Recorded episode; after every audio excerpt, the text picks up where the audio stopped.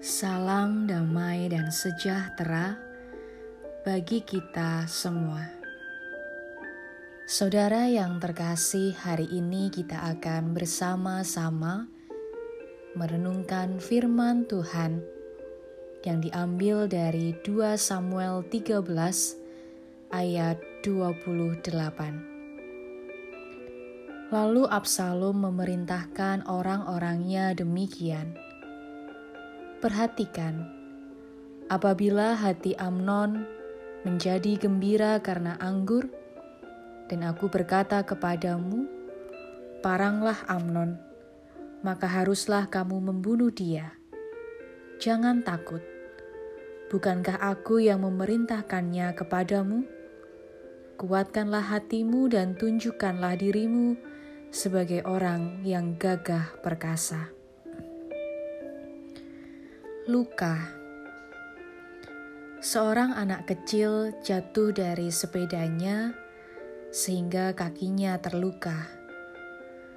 Karena ia takut dimarahi oleh bapak dan ibunya, maka ia mencoba untuk menutupi luka itu supaya orang tuanya tidak melihat.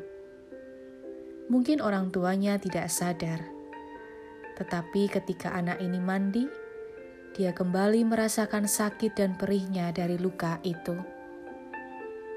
Dalam bacaan kita, hati Absalom terluka ketika Amnon memerkosa Tamar, adiknya. Sayangnya, Absalom tidak pernah berusaha untuk mengobati luka hatinya. Absalom rapi menutupi sakit hatinya dengan tidak mengatakan sesuatu yang baik maupun yang jahat tentang Amnon. Ia menyimpan luka itu sebagai dendam. Setelah dua tahun, Absalom menyiapkan suatu rencana jahat untuk melenyapkan Amnon.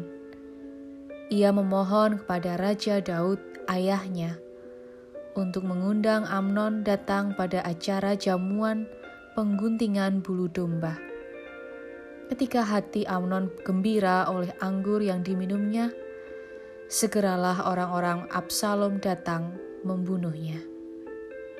Saudara yang terkasih, kita perlu menyadari sekecil apa pun luka yang ada dalam hati, tidak boleh dibiarkan, apalagi disimpan, harus disembuhkan.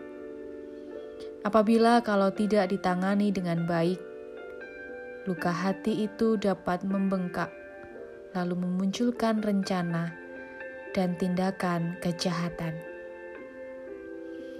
Tidak mudah mengobati rasa sakit hati, apalagi jika kesalahan yang diperbuat orang lain sungguh menyakitkan.